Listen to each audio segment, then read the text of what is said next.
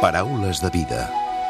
Un espai obert per parlar de l'actualitat a l'Església.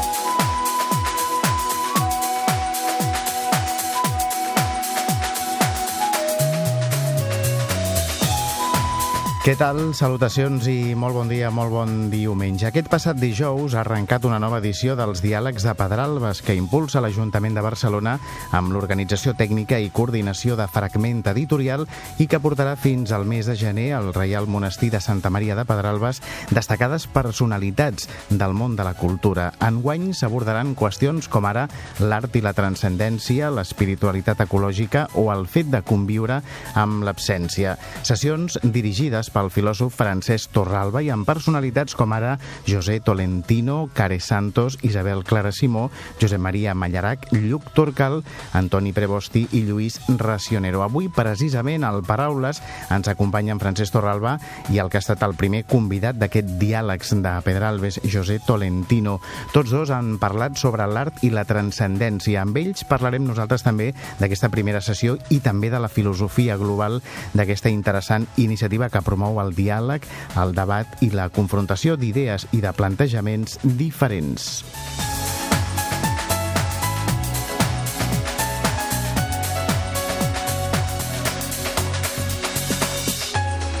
I com sempre tancarem el programa amb el comentari de l'actualitat de Francesc Romeu. És diumenge 5 de novembre. Comencem.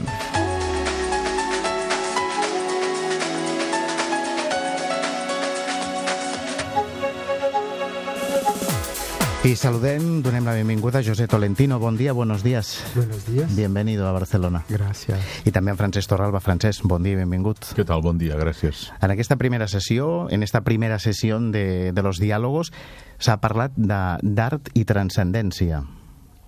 Sí, perquè l'art té la potència de fer-nos transcendir, d'elevar-nos, de fer-nos pensar i, de fet, de portar-nos a un món que no té límits i això ho té la potència de l'escultura, de l'arquitectura, però en el meu cas especialment la música, no? Aquesta capacitat de elevar-nos i transportar-nos a un món desconegut que és molt llunyà del món que vivim. Eh?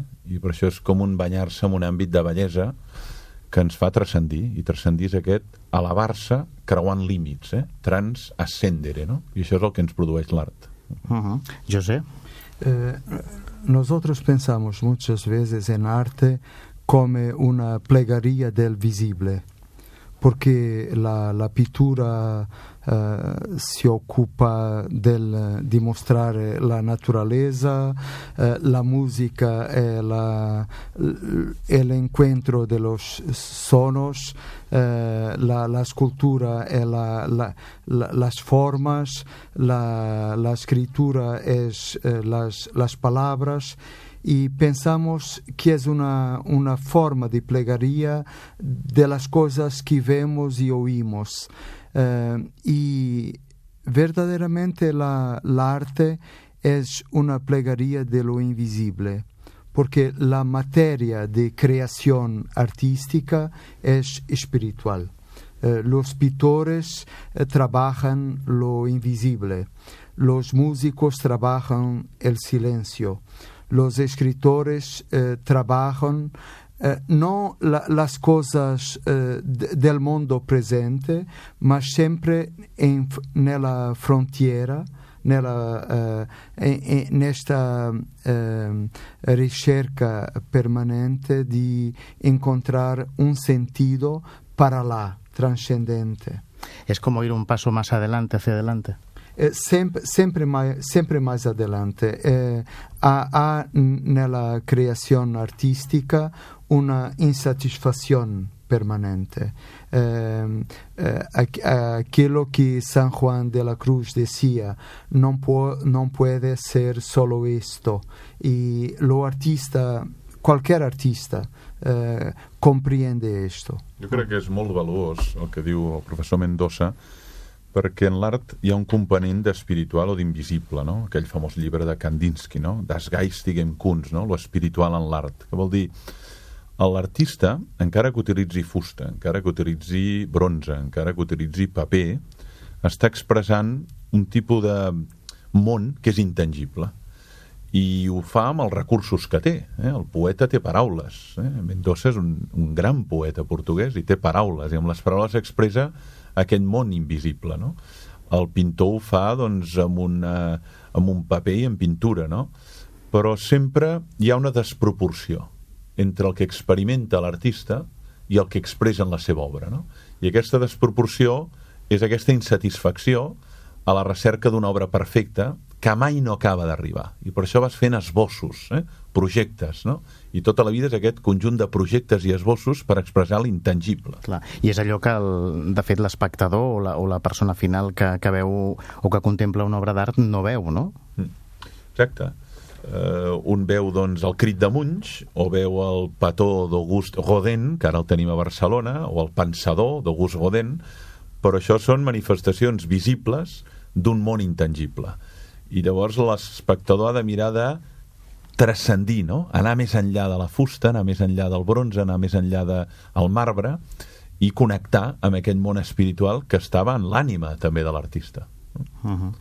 I això és una comunió espiritual entre l'espectador i l'obra. Quedes com absort, eh? quedes com estupefacte davant d'allò i fins i tot alguns considerem que es pot superar la dualitat quan estàs contemplant a fons una obra. Clar. Ara, Francesc... Eh... Eh, nel nostro tempo eh, si, eh, si descubre de, nu de nuovo la forza del trascendental belleza porque ten, teníamos los dos trascendentales de siempre, el bien y la verdad, y hoy en la teología, por ejemplo, se valoriza mucho la cuestión de la, de la vía de la belleza eh, como, como camino importante para la práctica de, de, la teología. Y esto es muy significativo porque los artistas son mistagogos sono iniziatori eh, nel mistero, nella, nella, nella, cercanía dello misterio. Y esto es un, una cosa que eh, en las nos, nuestras comunidades eclesiales eh, cada, cada día es más significativo eh, perceber la, la fuerza catequética reveladora que tiene la arte. Quizá es más eh, revelador o, o, más significativo en el mundo eclesial, pero no en la sociedad en general, ¿no? Quizá eh, cuando vemos una obra de arte no vemos ese proceso, esa interiorización. Mas una cosa significativa es que la arte es un campo abierto per il dialogo entre las iglesias y, y la cultura contemporánea.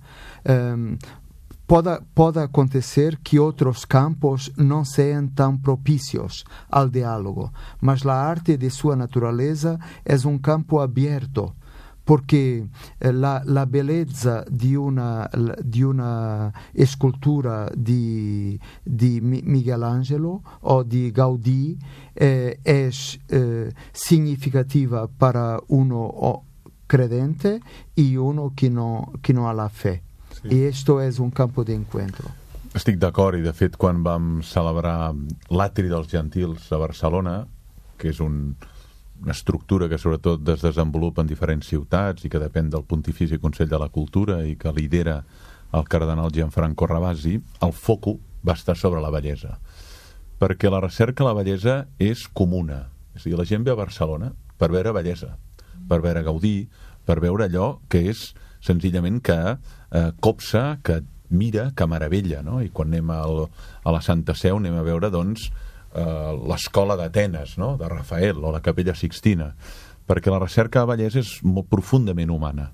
Ara, això no vol dir que necessàriament condueixi a Déu, però sí que condueix en un àmbit de misteri, en un àmbit intangible, on creients i no creients es troben però no necessàriament porta a l'afirmació de Déu. Però sí que la, el desig de bellesa i la trobada en lo espiritual és un marc de trobada òptim per creients i no creients. Uh -huh.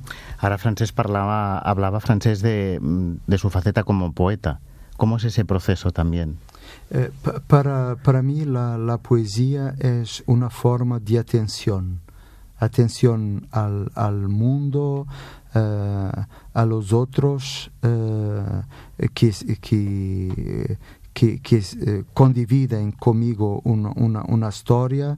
Y es, es sobre, todo, sobre todo eso, eh, una, una actitud nel, nel, modo di encarar, de encarar mi, mi, existencia y después trabajar la, la lenguaje eh, como lugar de eh, busca eh, de, un, de un sentido que está para lá de la lenguaje, mas que nelas palavras uno eh, com, como que eh, comprende la tangibilitat de, del misteri de, de Dios. Uh -huh. Art i transcendència és com el moment més íntim, no, Francesc? Ho es pot definir així? Sí, és un moment íntim, és a dir, veure, i sobretot algunes manifestacions artístiques. Jo considero que la més sublim, fins i tot per sobre de l'escultura, de la pintura i de la poesia, és la música. Eh? La música penetra per uns determinats intersticis no? de l'ésser humà que el, el commociona. El... De fet, Sant Agustí, en el llibre de música, deia que la música t'eleva cap a Déu. Eh? que en cert, la música sacra, no? Mm. Per tant, no hi ha dubte que sí, que és molt íntim allò que ens passa quan estem escoltant Bach, Albignoni, Stravinsky, cadascú té les seves aficions, però eh, activa tot un mar d'emocions en la persona, la música i aquí això li passa més amb l'arquitectura o amb l'escultura, però a mi personalment amb la música. Uh -huh. De fet, aquesta ha estat la, la primera trobada dels diàlegs de Pedralbes. Francesc, n'hi han diferents preparades fins al mes de gener, oi? Sí, reprenem Són... el fil, ho reprenem amb il·lusió. Afortunadament hi ha diferents autors i diferents temes, sempre amb la voluntat de eh, dotar de contingut i de diàleg, de conversa, un espai meravellós com és el monestir de Pedralbes diàlegs, per tant, no juxtaposició de monòlegs, diàlegs quan, més, més, quan són més necessaris que mai, Exacte, no? Veient són el més necessaris que, que mai, això és evident. Nosaltres allà sempre n'hem practicat, fa més de 3 anys que ho fem, ara amb aquest temps d'interludi, però ho hem fet i ho seguirem fent tant temps com puguem, i sempre amb persones molt diverses, a vegades políticament, a vegades eh, religiosament, a vegades disciplinàriament, però en canvi dialogant i això ho hem fet amb un entorn idoni perquè l'entorn també compta.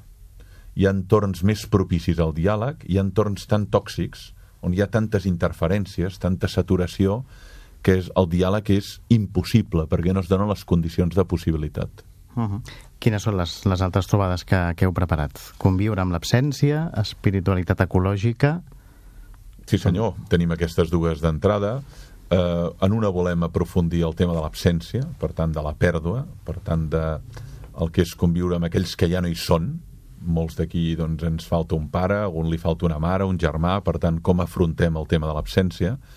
I després un tema clau, que és l'espiritualitat ecològica, que això enllaça molt amb aquesta encíclica del papa francès, que ha tingut tant eco en el món, que és Laudato Si, on subratlla la necessitat d'una espiritualitat ecològica. Per tant, d'una manera diferent, d'estar en el món i d'envoltar-se amb totes les criatures del món de la que hem tingut almenys durant la modernitat, aquests dos últims segles. Uh -huh. Quins són els ponents que heu preparat, que teniu previstos? Doncs mira, tenim des d'escriptores com la Care Santos i la Isabel Clara Simó, tenim doncs, persones que són del món de la, de la física i de la teologia, com en Lluís Torcal i en Josep Maria eh, Mallarac, eh, i també tenim una aproximació una saviesa antiquíssima de la Xina, que en aquest cas confrontaran dos autors, un que va tenir l'encert i la feina de traduir les analectes de Confuci per fragmenta, que és eh, Antoni Prebosti, i el Lluís Racionero, que és un escriptor molt conegut i que se sent espiritualment molt proper al taoisme. Uh -huh. I això és el que tractarem, sempre amb voluntat de diàleg, sempre escoltant les veus i amb una gran participació de persones que venen i que amb les seves aportacions doncs, enriqueixen tota la, tot el diàleg resultant. Com, I com destacaves, no? des de diferents vessants ideològiques.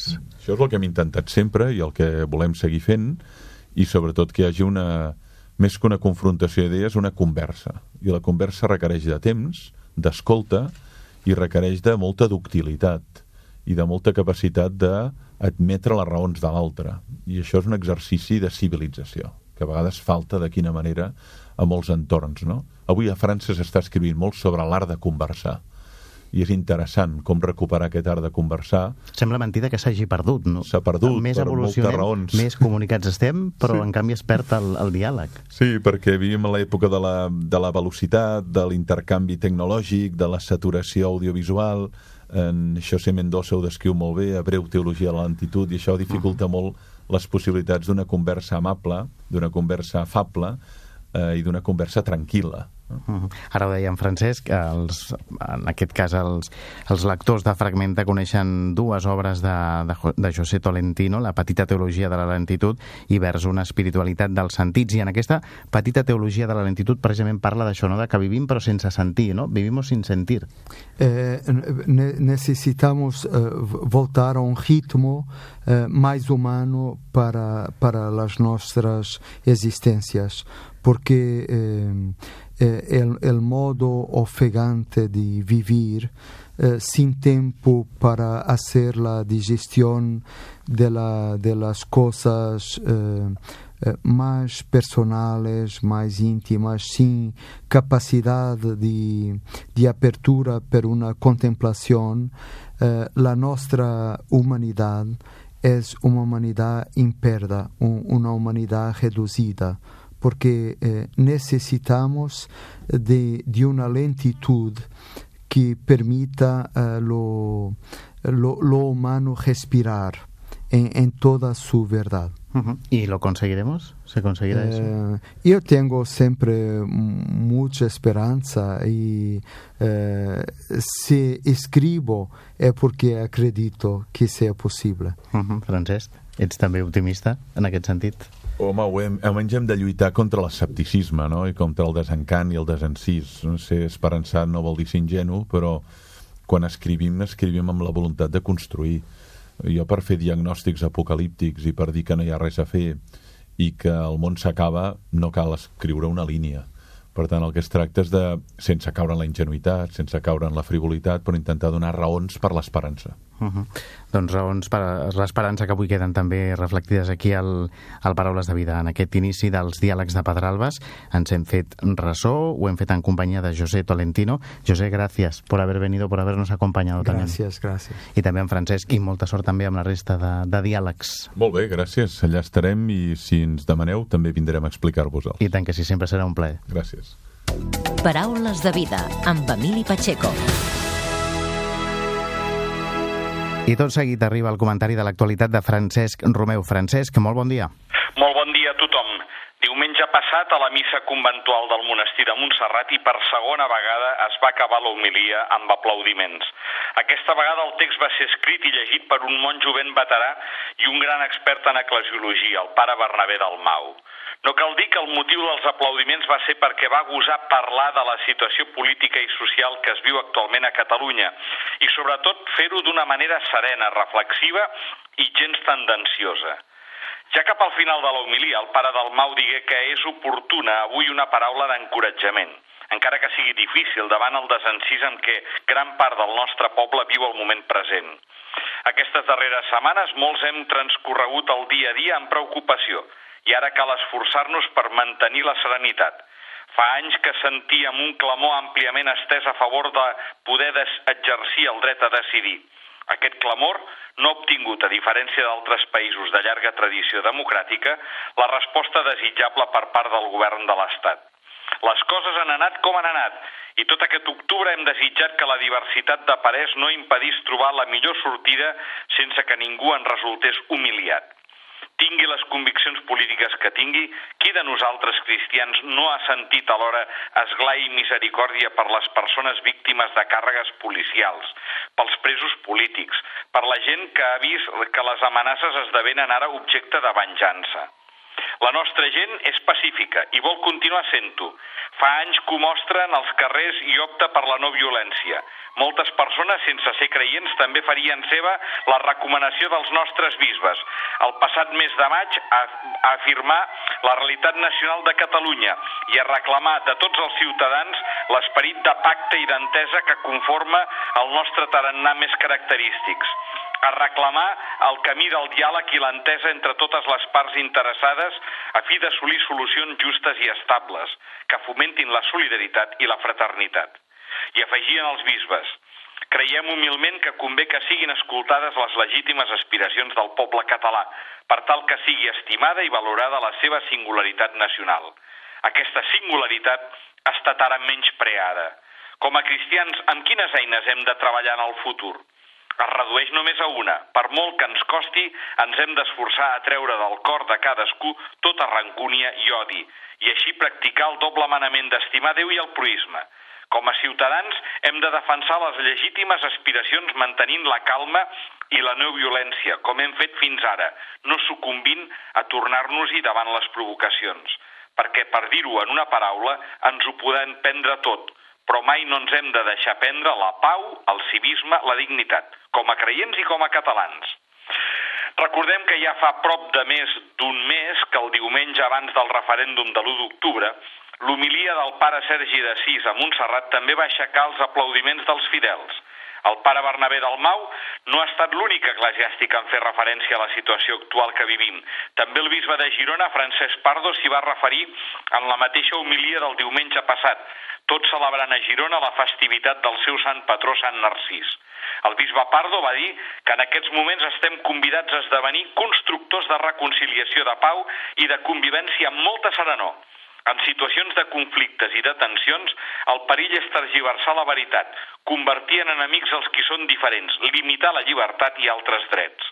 Cal esdevenir factors de convivència, sense renunciar a les legítimes aspiracions, però emmarcant-les en la negociació, perquè els conflictes se superen amb acords, siguin a curt o a llarg termini. En un moment de l'homilia, el bisbe Pardo es preguntava què ens demana avui aquest amor a les persones al país a Catalunya?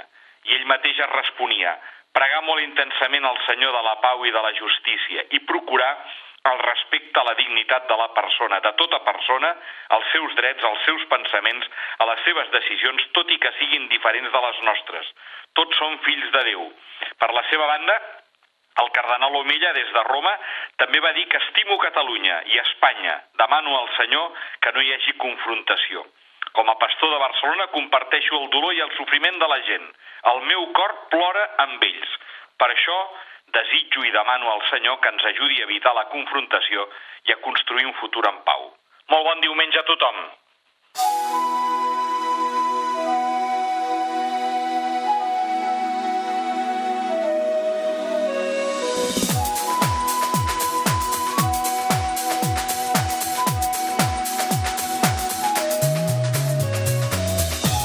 Fins aquí el Paraules de Vida d'aquest diumenge. Recordeu que ens podeu seguir també a través de la pàgina web de Catalunya Ràdio i els perfils de Facebook i Twitter.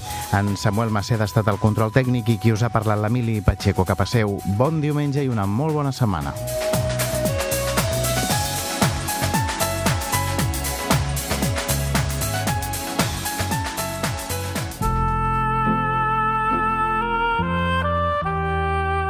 Us oferim la carta dominical de l'arcabisbe de Barcelona, Joan Josep Omella.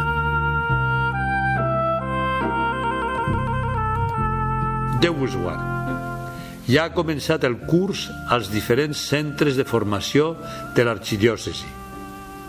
He tingut el goig de participar en molts dels seus actes d'inauguració.